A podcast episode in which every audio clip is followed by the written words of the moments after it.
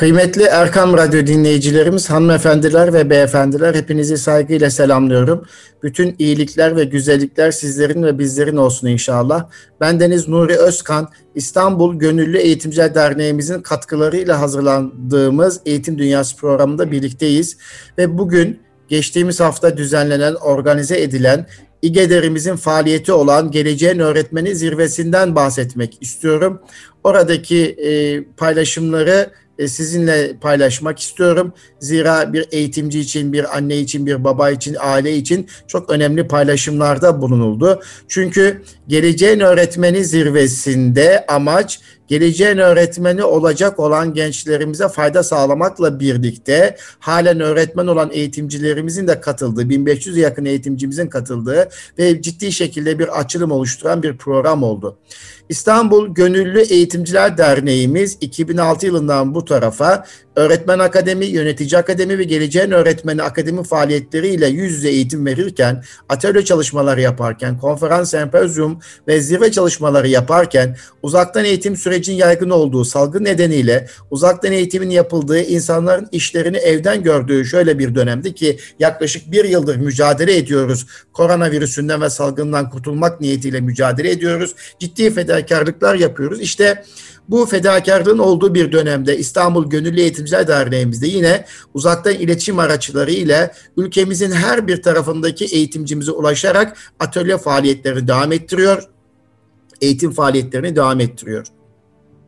Nitekim geçtiğimiz hafta yapılan zirvede de 5 değerli hocamız katıldı ve 5 değerli hocamızın katıldığı bu eğitim zirvesinde 500'e yakın geleceğin öğretmeni olacak meslektaşımız e, programı takip etti. 1500'ün üzerinde öğretmen arkadaşımız da YouTube kanalı üzerinden programı takip etmiş olmasından dolayı da gerçekten mutlu oldum. Programı ben de takip ettim e, ve o almış olduğum notları da birazdan sizlerle paylaşacağım. Ancak e, daha çok e, bu e, bugünkü eğitim programımızda, eğitim dünyası programımızda e, gerçekten her bir konuşmacımızın değerli fikirlerini olası sizlerin kaçırma ihtimaline karşılık yine Erkam Radyo'da eğitim dünyası programında e, paylaşmaktan mutluluk duyacağım.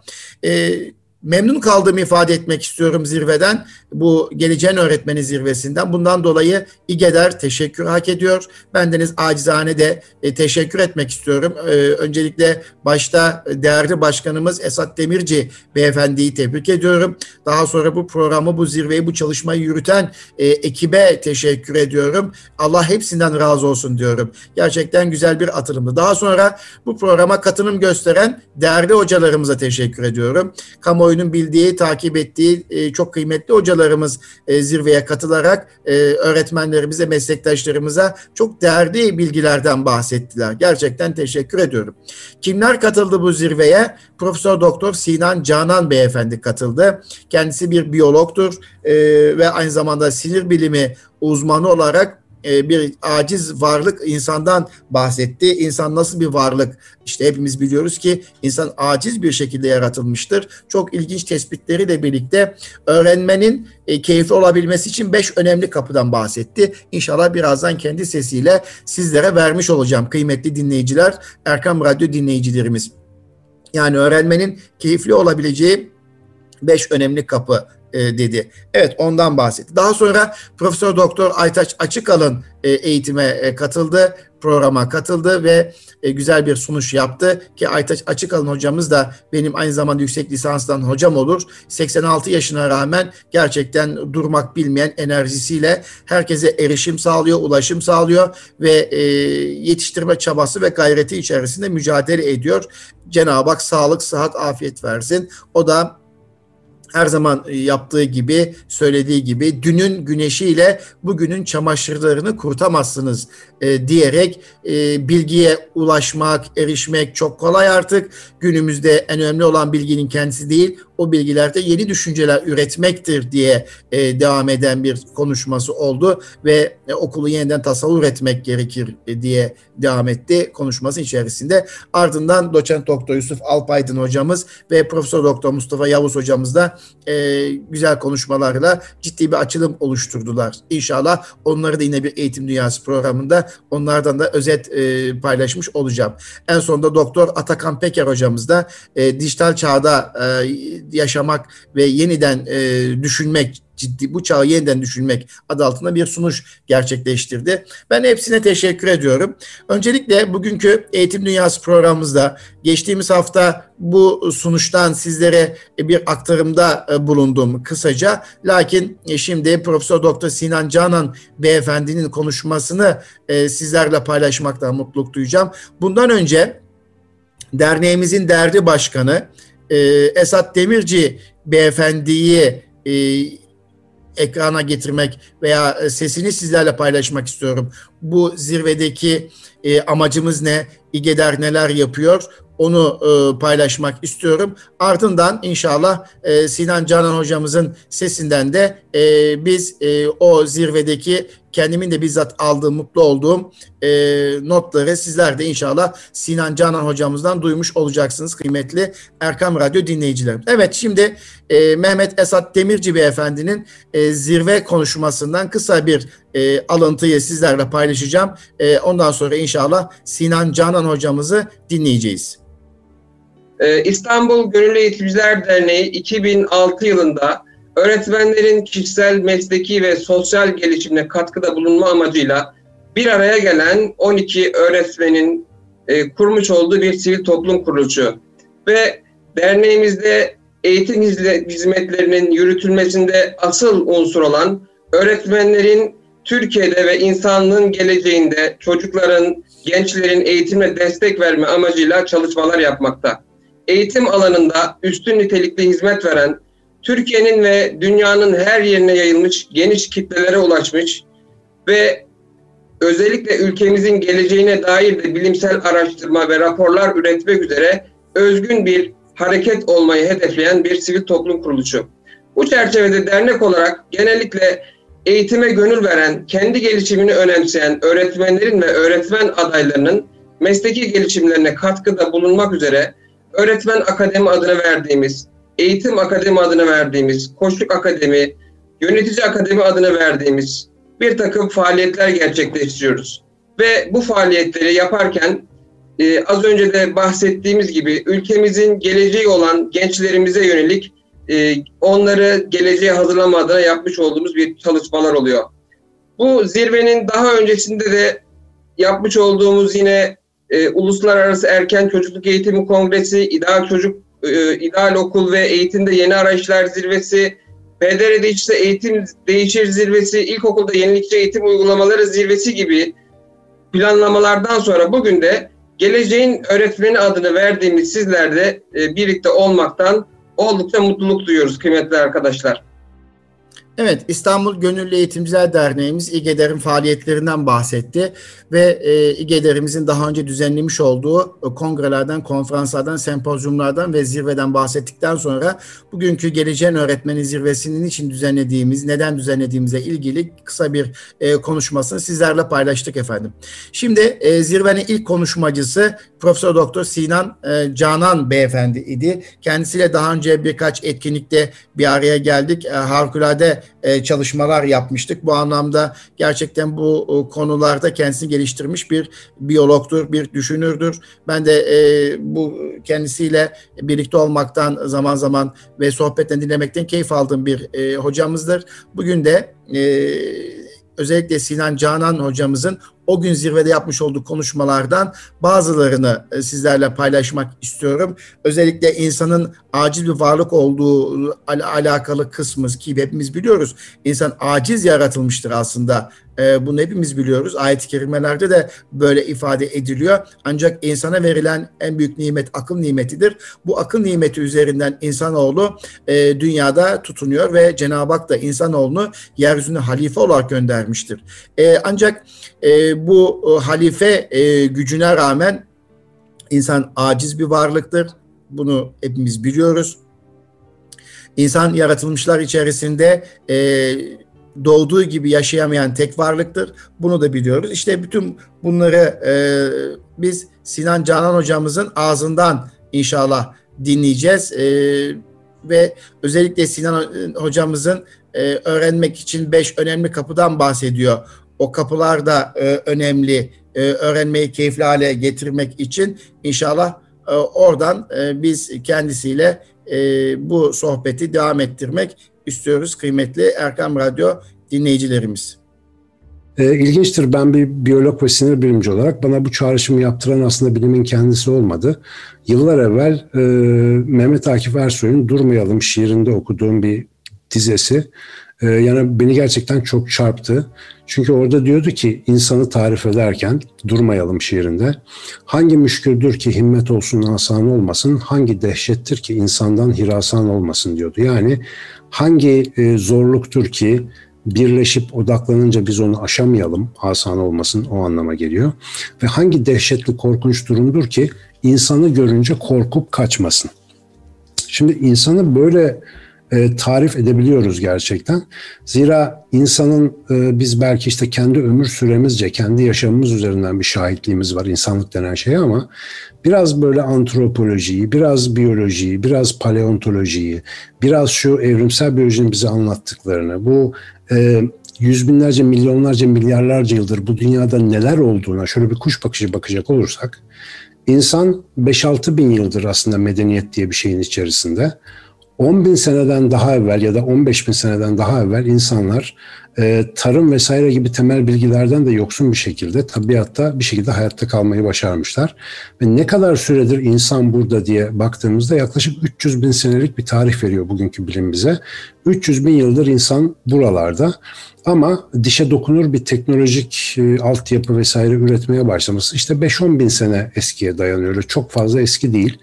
Ve bu süreç içerisinde yaşadığı ortam insan yapısı hiçbir neredeyse kolaylaştırıcının var olmadığı, basit giyinme ve barınma ihtiyaçları dışında insanların teknoloji üretemediği bir zamanda insanların aslında bayağı başarılı olduğunu görüyorsunuz. Niye bayağı başarılı diyorum?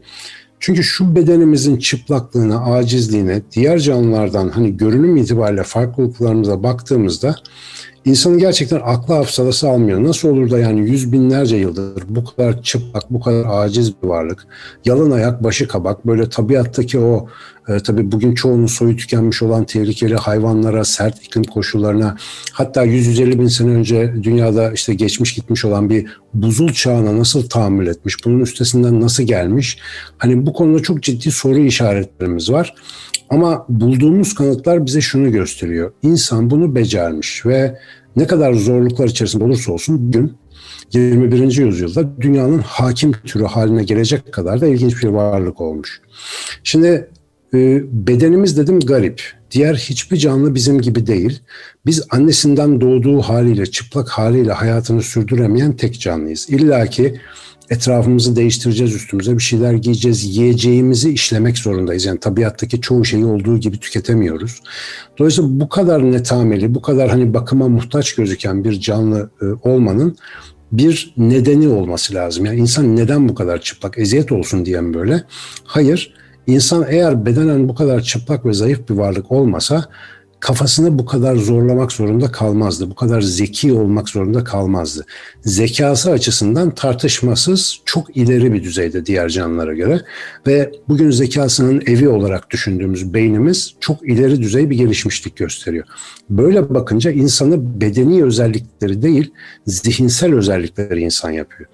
Ve bu aşırı gelişmiş zihinsel özelliklerin niye geliştiğine bakmak burası çok önemli bizi birdenbire bir şeyleri yanlış yaptığımıza hemen ikna ediyor. Çünkü beyinler ne işe yarar diye tabiatta baktığımızda yani bütün hayvanlarda bir şekilde beyin var. Böyle işte büyük bedeni olan e, adına hayvan dediğimiz hareket eden canlıların hepsinde bir beyin var. Ve bütün beyinlerin ortak görevi tektir. O canlıyı hayatta tutmak. Bizim için de aynı şey geçerli. Bizim beynimiz de bizi hayatta tutmaya çalışıyor aslında. Yaptığı iş o. Ama bir bakalım mesela biz son birkaç yüzyıldır normal sıradan insanlar olarak bu beyni neyle meşgul ediyoruz?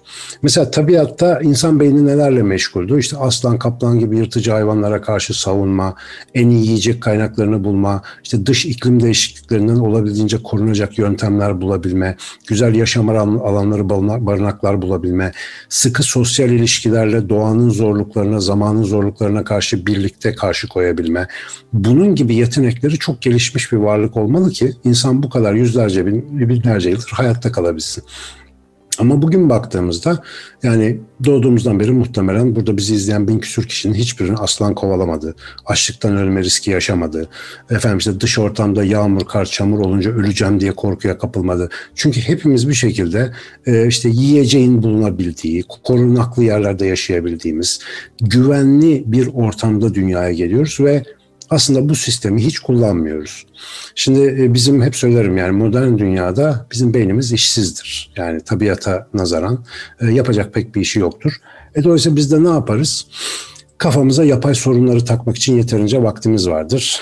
Kimimiz yaşlanmaya kafayı takar, kimimiz üniversite sınavına kafayı takar, kimimiz çoluğunun çocuğun durumuna, kimin, kimimiz komşunun çöpleri saat kaçta çıkarttığına, e, işte kimimiz politikaya, kimimiz siyasete, kimimiz modaya takılırız bir şeylere ve bu zihnimizi onlarla meşgul etmek zorunda kalırız. Çünkü gerçek yaşamsal problemler bizden artık atalarımıza nazaran çok uzaktır.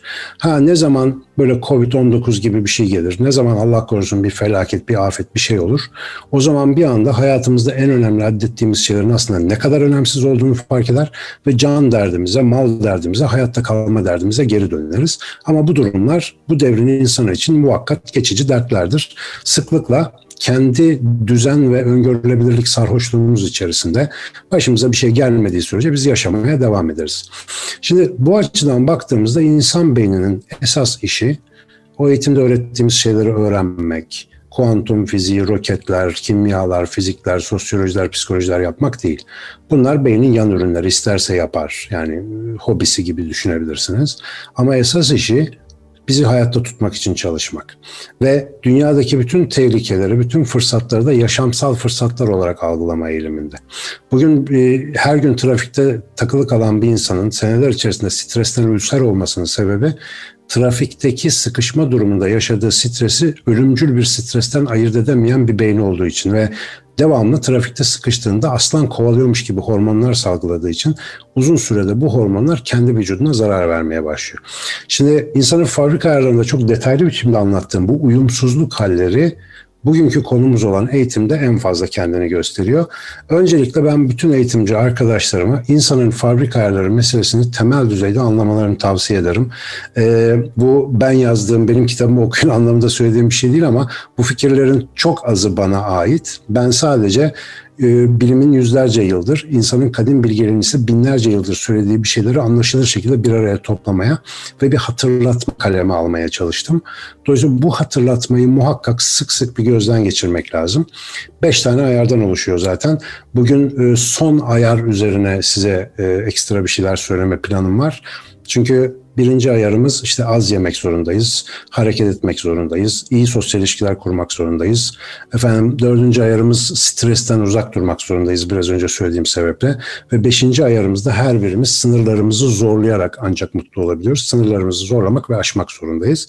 Bu beş ayardan müteşekkil bir varlığız bence. Ve o varlığı e, özellikle de hayata hazırlarken daha küçücük yaşlarından itibaren içine aldığımız eğitim diye bir tünel var. Ve bu tünelde biz genellikle e, insanlığın hayrına bir şeyler yaptığımızı düşünürken onun ne olduğunu unuttuğumuz için aslında sadece bazen onu geciktiriyoruz. Hatta bazen kötülük yapabiliyoruz.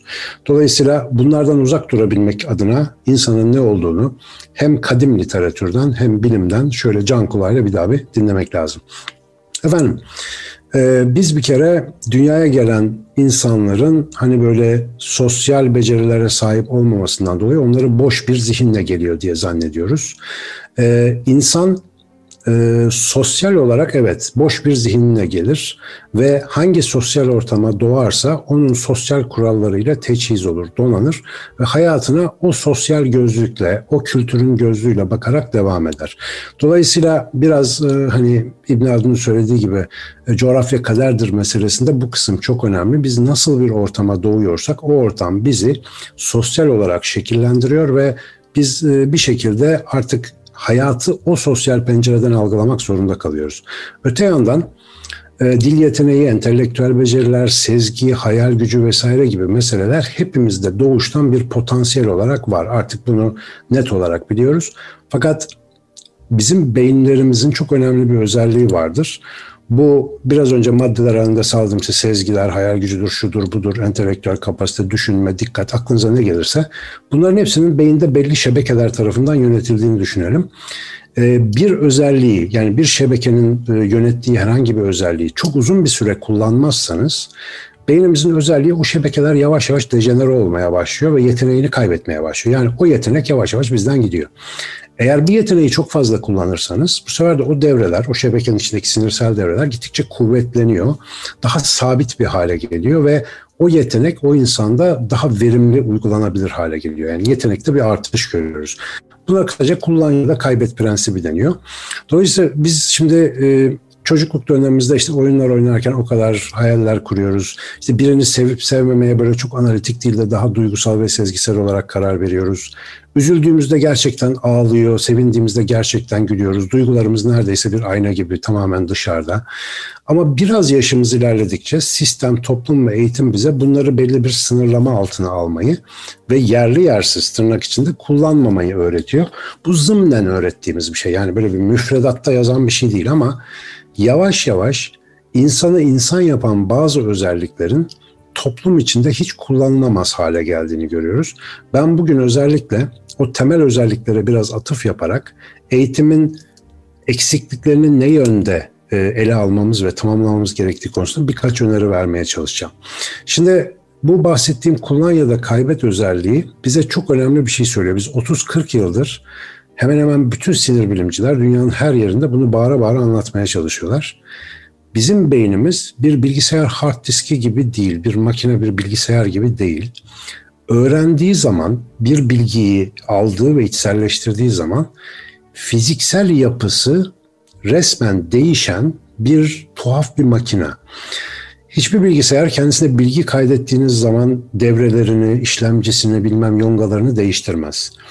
E, o sabit olarak var olan bir donanımdır adı üstünde. Yazılımla biz genellikle bilgisayarda bir şeyler yaparız. E, fakat insan beyni hatta bütün canlıların organik beyinleri deneyim kazandığı zaman yapısal olarak değişir. Yani biz bilgi aldığımızda aslında başka bir e, bireye dönüşürüz. E, artık farklı bir insana dönüşürüz. Dolayısıyla her öğrendiğimizde artık önceki halimizden daha farklı bir durumdayızdır. Ve bu fiziksel değişimin kurallarını anlamak, beyin nasıl fiziksel olarak değişiyor, neleri öğreniyor, neleri öğrenmiyor bunu fark ettiğimizde aslında öğrenme işiyle ilgili bambaşka bir perspektif yakalayacağız. Çünkü biz e, hani anlayabildiğimiz için bilgisayarları çok kolay bir şekilde insanı da bilgisayara benzetebiliyoruz. Mesela bir sınıfta oturan çocuklara e, anlattım işte canım tahtaya yazdım, ders notunu verdim, uzaktan eğitimi yükledim, şunu yaptım, bunu yaptım. Bazısı hala anlamıyor ben ne yapayım. Şimdi bazısının hala anlayamamasının ve bazılarının daha hızlı anlamasının bizim verdiğimiz bilginin e, kayıt edilme biçimiyle çok yakından alakası var. Eğer biz hard disk gibi olsaydık bir bilgiyi isterseniz 10 bin tane hard diske kaydedin. Bütün diskler eğer diskte bir hata yoksa veriyi kazasız belasız kaydeder.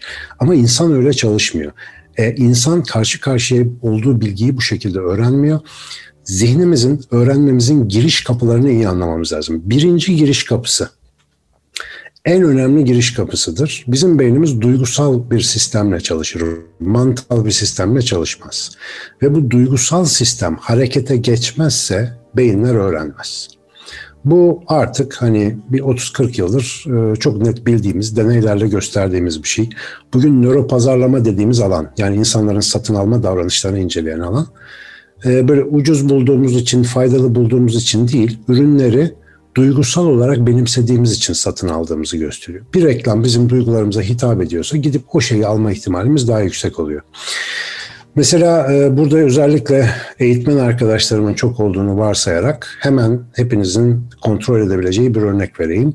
Birçoğunuz mesleğinizi muhtemelen sevdiğiniz bir öğretmeniniz yüzünden tercih ettiniz. Öğretmenlik yapmasanız bile muhtemelen işte bu ilkokuldan liseye kadar olan o özellikle temel eğitim döneminde e, öğretmenin biri eğer şanslıysanız sizin kalbinize girmiş ve bir şekilde sizin hayatınızın gidişatını etkilemiştir.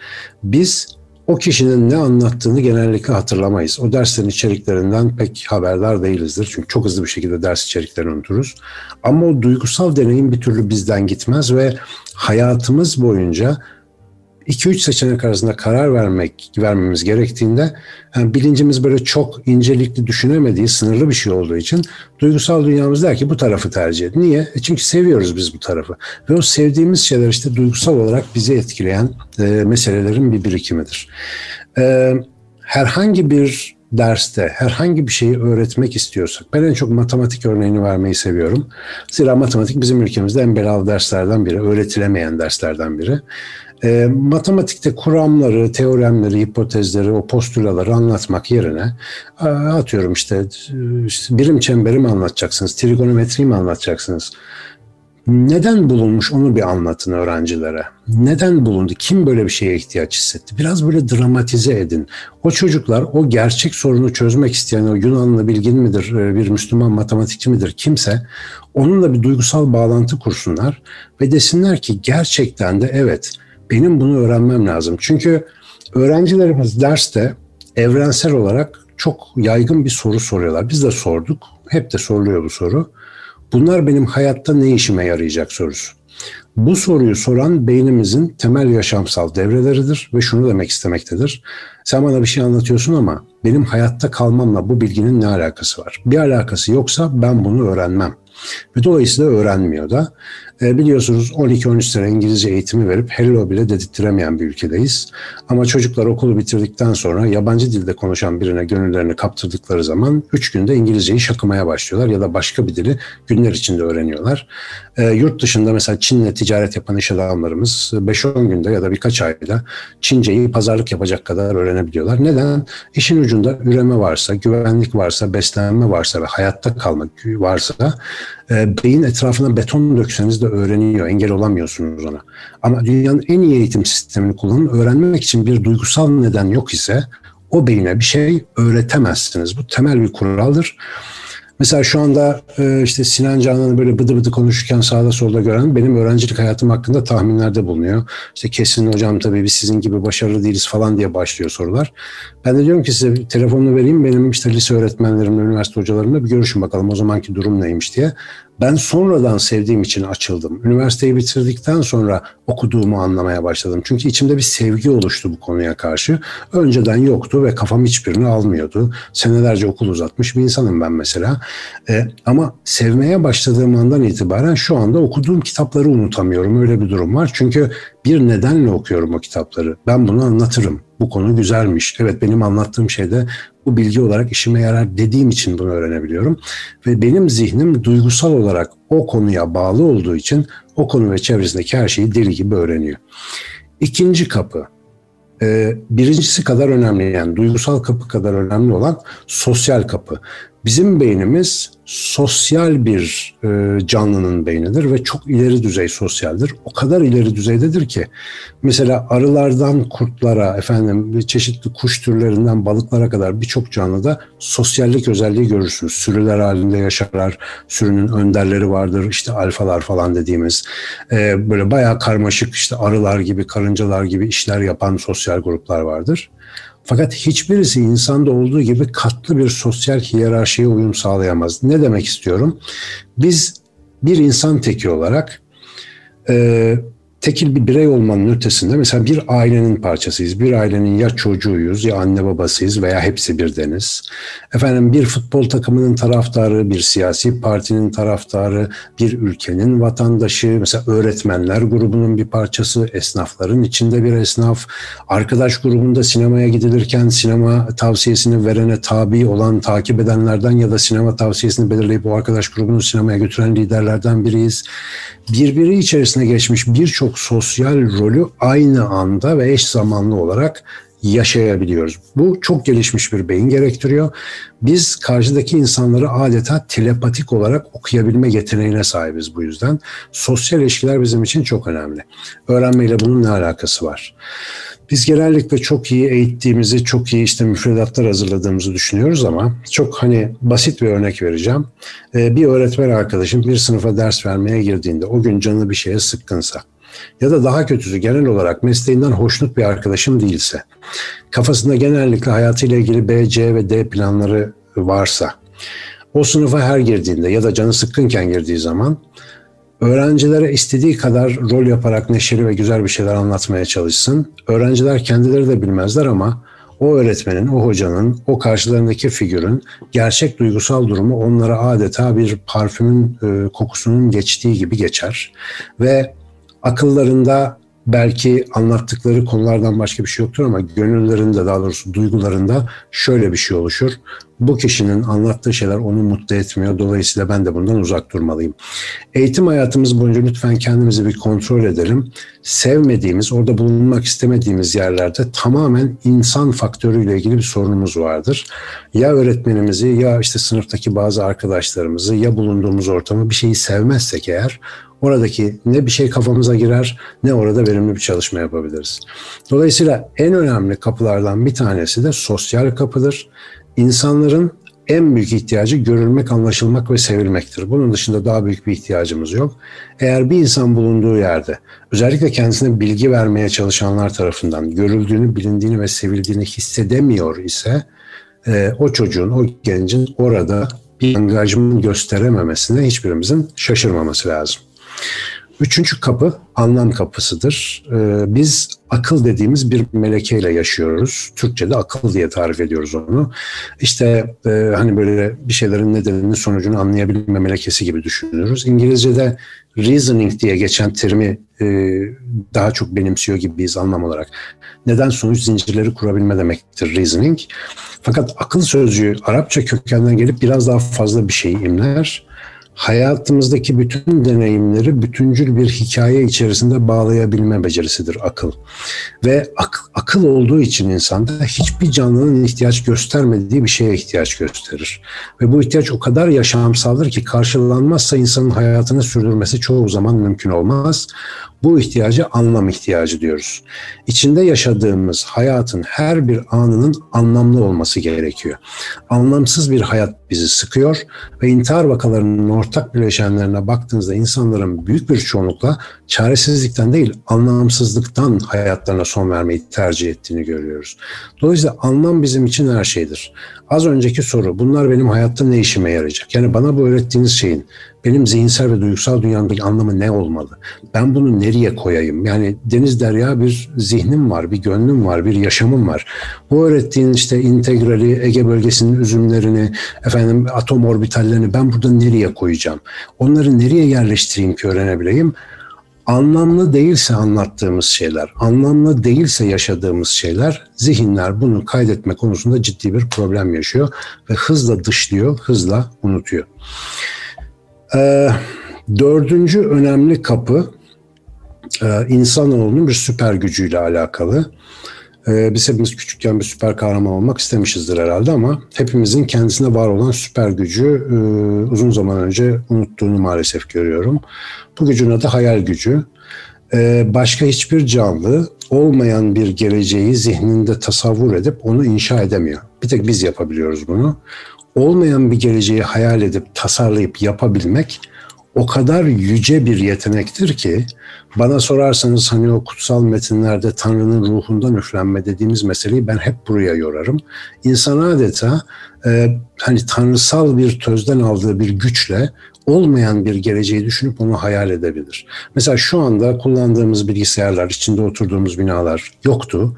Birileri bunların hayalini kurdu. Aynı kişiler ya da başkaları planladı, adım adım yaptı ve şu anda fiziksel bir gerçeklik olarak bunun içinde oturuyoruz. İnsanın bugün dünyada yaptığı bütün değişiklikler hayal gücünün bir ürünüdür. Biz maalesef eğitim süreci boyunca hayal gücünü hazır algoritmalarla değiştiriyoruz hazır algoritmalar verili bir işin nasıl yapılacağını e, insanlara adım adım ya da bilgisayarlara adım adım öğreten yönergelerdir. Bu verili işler genellikle öğrettiğimiz insanlarla alakalı değildir. Onların hayal dünyasında bir yer işgal etmemiştir. Hiçbir çocuk doğuştan ben efendim e, genetik mühendisi olacağım, ben hukukçu olacağım, ben mekatronik mühendisi olacağım diye doğmaz. Biz onların önüne böyle hedefler koyarız. O hedeflere bir şekilde tutkuyla, tutkuyla sarılmalarını bekleriz. Ve sonra da oralara nasıl gideceklerini bir sürü gereksiz bilgi ve testle araları doldurarak anlatmaya çalışırız. Ama ve lakin e, bu insanların çok az bir kısmı tırnak içinde başarılı olabiliyor. Büyük bir kısmı mutsuz ve başarısız oluyor. Başarılı olsa da mutsuz olanların oranı çok fazla. Ama hayalinin peşinde koşan insan hayaline ulaşamadan bile dahi her zaman mutlu olduğunu görüyorsunuz. Kendi hayali peşinde koşan insanların. Yıllarca çalıştığı işinden ani bir kararla istifa edip işte gönlünde yatan aslanın peşine dönen, bu arada çok ciddi sıkıntılar, açlıklar, işte parasızlıklar falan çeken insanların mutlu mesut hikayelerini çok fazla duymuşsunuzdur. Kendi hayali peşinde gitmek insanın ontolojik bir vazifesidir. Adeta varlık nedenidir. Biz tahammüden bu varlık nedenini insanların elinden alıyoruz ve bunun adına da eğitim diyoruz. Dolayısıyla eğitimin en önemli e, eksiği insanların hayal gücünü kışkırtacak, onları hayallerine gidecek, hayallerine doğru yol alacak donanımla donatacak e, bir takım özelliklerden yoksun olmasıdır. Çünkü hayalleri nereye koyacağımızı bilemiyoruz. Biz hayalleri bizim yani sistemin bireysel olarak bizim değil ama sistemin dayattığı hedeflerle değiştiriyoruz. Dolayısıyla bu hedefler işinden bir an önce vazgeçmezsek insan kıyımı aynen olduğu gibi devam edecek. İnsanın deneyimsel öğrenmesinin en büyük kapısı ise başka yine hiçbir hayvanda görmediğimiz insana özel bir yetenektir. Bu yeteneğin adı cesarettir korkusuzluk değil, korkarak da olsa, riskleri görerek de olsa bir riskli durumun üzerine gidebilme becerisine biz cesaret diyoruz. Bu ancak insanda olan bir şey ve cesaret sayesinde insanlık hani hipotetik olarak biliriz ya bir mağara dönemi falan var böyle tabiatta fakr zaruret içinde yaşadığı bir dönem. O cesareti sayesinde gözü pek bir şekilde atılarak her türlü imkanı değerlendirmeye kalkmış ve bir şekilde bugünkü dünyanın kuruluşuna öncülük etmiş. Mesela mamutlar gibi devasa hayvanların soyunu tüketen insandır. Mamut gibi dev bir yürüyen işte böyle tüylü bir fili avlamayı bir canlı nasıl düşünebilir? Yani daha önce hiç yapmadığı bir şeyi yapmaya nasıl cesaret edebilir? Zihinsel melekeleri çok gelişmiş olduğundan bunun için var olan imkanlarından daha farklı yollar oluşturulabileceğini, yaratabileceğini fark ederek yapabilir bunu. Ve bunun için işte hayal gücüne ihtiyacı var. Hayal gücü cesareti gerektirir ve cesaret olursa insan ancak o zaman hayatında yapmadığı şeyleri yapıp deneyimsel bir şeyler öğrenebilir. Peki biz bu insanlardan cesareti alırsak ne olur? Ki bunu her gün yapıyoruz. Biz her gün hayallerini değil mantığını kullan. Ya bir kere gelecek sen hobi olarak gene çal adam gibi bir mesleğin olsun başımıza çalgıcı mı olacaksın? Tıp fakültesini kazanacak kadar bak puan geliyor deneme sınavlarından. Puana yazık ne konservatuarı puana yazık olacağına sana yazık olsun diyerek bu insanların cesaretlerini elimizde baltalarla buduyoruz. Ve sonra ne oluyor? Cesaretin bittiği yerde esaret başlar. C düşer, esaret olur. Neye es? bize konulan hedeflere, alışkanlıklara, korkulara, endişelere, bağımlılıklara, uyuşturuculara, bunları sadece kimyasal maddeler diye düşünmeyin. Sosyal medya, moda, futbol, siyaset, aklınıza ne gelirse. Bu uyuşturucularla hayatımız dolar ve cesaret edemediğimiz zaman esir oluruz. Ve günümüzün dünyası esirler dünyasıdır. Matrix filminin bizzat içinde yaşıyoruz. Çok uluslu şirketlerin yönettiği, bizi bir reklam imtiyazına indirgemeyi hedefleyen sosyal medyanın kuklası haline geldik. Neden? Cesaretimiz sistematik bir biçimde öldürülüyor çünkü. Ve yeni dünyanın cesur insanı diye kısmet olursa yakın bir zamanda sizlerle buluşacak olan yeni kitapta biraz bunu anlatmaya çalışacağım. Bizim cesur insanlara ihtiyacımız var. Bizim hayal kuran insanlara ihtiyacımız var. Bizim duygusal insanlara ihtiyacımız var. Bizim digerkam insanlara ihtiyacımız var. Bunları yetiştirmedikten sonra ister pizza sınavında bilmem ne puan yapın, isterseniz dünyanın en hızlı roket yapan yerine 10 tane Türk gönderin hiçbir kıymet harbiyesi yoktur. Çalışan makinenin içerisinde dişli yetiştirmekten başka övünecek bir şeyimiz kalmaz. Çok uzatmadıysam eğer son bir e, kapı daha var. İnsanın harekete geçmesinin motoru ve vesilesi. O olmadığı zaman biz felç oluyoruz. O olduğu zaman ise zorlukları tamamen içe sayıyoruz. Ee, bir deney anlatacağım size. 1960'larda e, yapılmış e, bir e, deney düzeni vardır bizim laboratuvarlarımızda. Adına zorlu yüzme testi denir. Farelerde kullanırız bunu. Depresyon araştırmalarında çok kullandığımız bir şeydir. Cam bir sürahi silindir düşünün. Şöyle dümdüz bir silindir. İçine su doldururuz yarısına kadar ve bir fareyi bu suyun içine atarız. Ilık bir sudur. Fare yüzerek kurtulmaya çalışır ama tabii kenarlar cam olduğu için tırmanamaz ve bir süre sonra böyle bir yorgun argın bir kalır artık. E, mücadele ede de yorulur.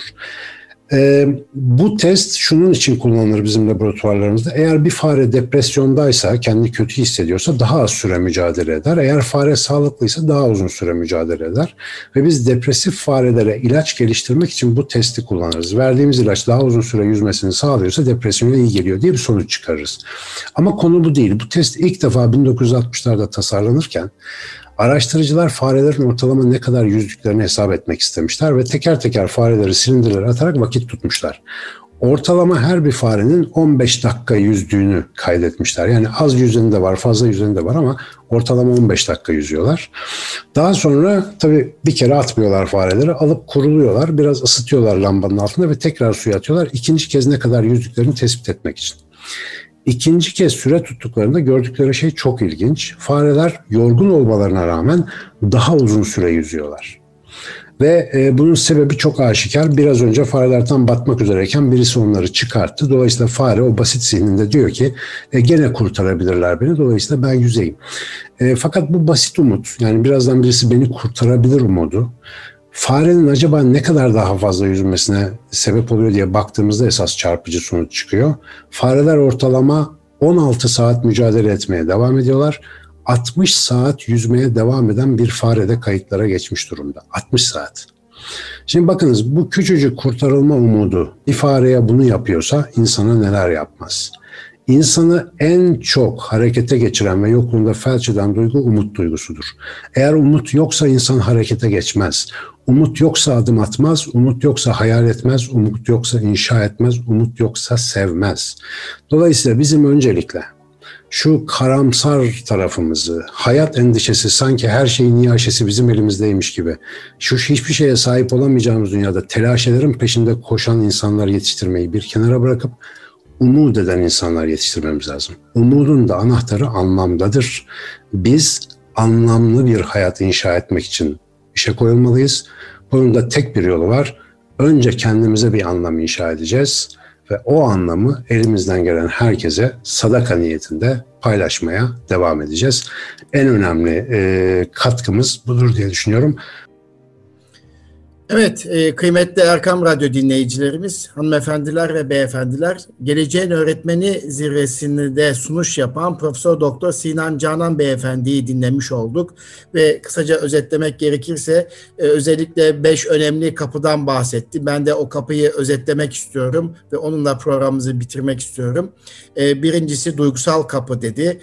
Bu kapı öğrenmek için duygusal bir istek olmalı diyerek devam ettirdi. E, ikinci kapı sosyal kapıdır dedi ve bizim beynimiz e, katlı bir sosyal yapıya sahibiz. İşte bir ailenin parçası olmak, bir futbol tarafları, bir siyasi parti üyesi ve benzeri gibi birçok STK üyesinde olduğu gibi işte buna benzer ihtiyaçlarımız vardır. Çünkü insanoğlu görülmek, anlaşılmak, sevilmek ister dedi.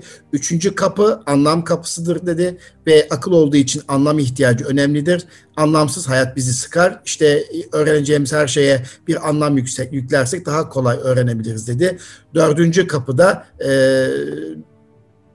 özellikle hayal gücünün bu dördüncü kapıda önemli olduğunu ifade etti. İnsanlar hayallerinin peşinden koşarlar ve bu anlamda mutlu olurlar dedi ve burada da cesaretin öneminden bahsetti. Cesaret en önemli yetenektir.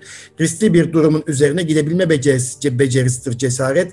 Cesaretin C'si gittiği zaman esaret olur. Cesaretin bittiği yerde de esaret başlar işte dedi. Endişeler, bağımlılık, uyuşturucular işte bu zaman insanın hayatının içerisine girmeye başlar dedi.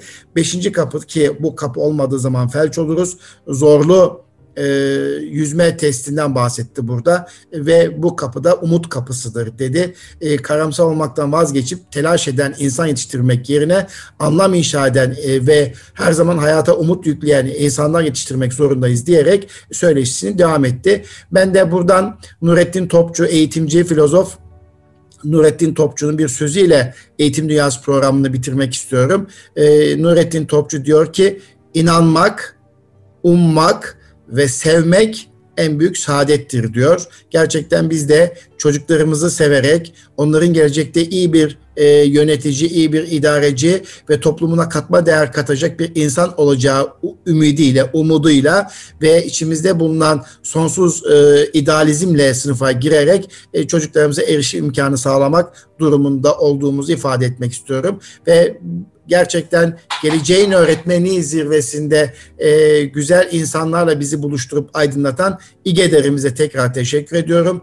Yönetim Kurulu Başkanı'na ve değerli ekibine teşekkür etmek istiyorum ve e, inşallah bir sonraki Eğitim Dünyası programında buluşmak dileğiyle efendim.